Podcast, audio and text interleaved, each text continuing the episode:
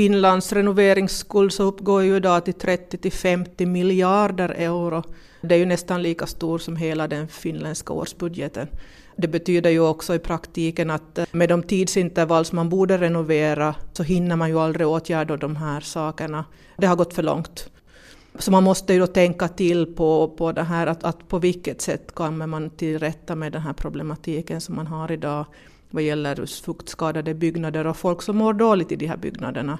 Det är ju också att på den sociala sidan och hälsovårdssidan så är det jättestora kostnader för samhället idag. Annika Glader jobbar på yrkeshögskolan Novia i Vasa och där har hon lett olika typer av projekt kring fuktsäkert byggande i snart 15 års tid. Leif Östman är överlärare i byggnadsteknik på Novia. Nog är det ju ett grundläggande problem att det är bråttom och det ska vara billigt. Så att man lägger inte tillräckligt tid på att undersöka lösningar och man satsar kanske inte på att granska och följa upp i tillräcklig mån. Att kunskapen finns nog där och branschen kan nog, men om man ska följa med allt möjligt så om man har bråttom så inte hinner man ju se på alla möjliga ställen utan man försöker förenkla åt sig. På Novia vill man nu bidra till att man kommer till rätta med problematiken kring fuktskadade hus.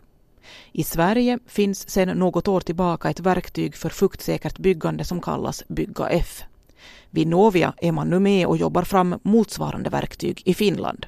Här kallas metoden kuivaketjukymppi. Meningen att man ska följa med och dokumentera processerna ur ett fuktsäkerhetsperspektiv. Från man startar med planering via upphandling och byggande så ska man gå igenom vilka perspektiv finns det i det och var riskerna och så ska det vara dokumenterat. På det viset så kan man då få fram vem som har ställt till med det och var och en som vet om att det granskas så han är ju mera försiktig. Det att man nu lanserar den finländska modellen av Bygga F, vad kan det komma att betyda inom byggbranschen? Eh, det är som med alla andra som metoder, för byggbranschen har ju inte problem med att det inte skulle finnas goda verktyg, information, dokument, anvisningar, utan problemet är att det inte implementeras och till, används på fältet. Så att det, det är ju där det, är det viktiga jobbet som kommer nu in med det här Kuivaket 20 också, att man får Eh, branschen att använda det här och att man också som kan visa på den här nyttan som man får av det.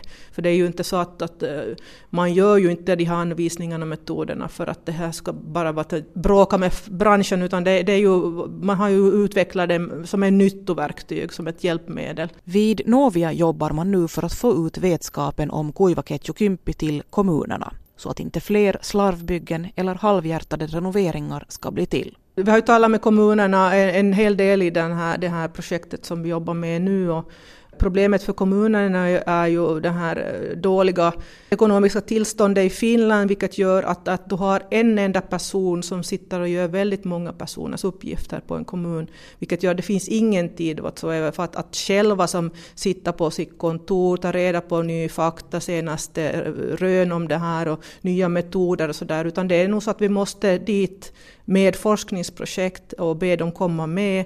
Eh, visa dem lite med hjälp av studerande som då kan göra som lite förmånligare arbeten åt dem, göra sådana här utredningar. De får vara med i processen själva så där på sidan om och sen ta vid. Eh, det tror jag att det är bästa sättet för att det här, vi får aldrig dem att komma till oss. Det finns ingen tid för dem att de gör det här själv.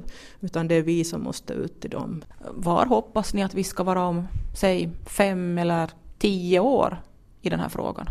Det som vi diskuterar mycket nu så är just det här eh, att få ut informationen även till icke-ingenjörer. För att om man som ser på en sån här process så eh, kommer ju ingenjören in i ett betydligt senare skede, att de här beslutsfattandet sker ju rätt så tidigt.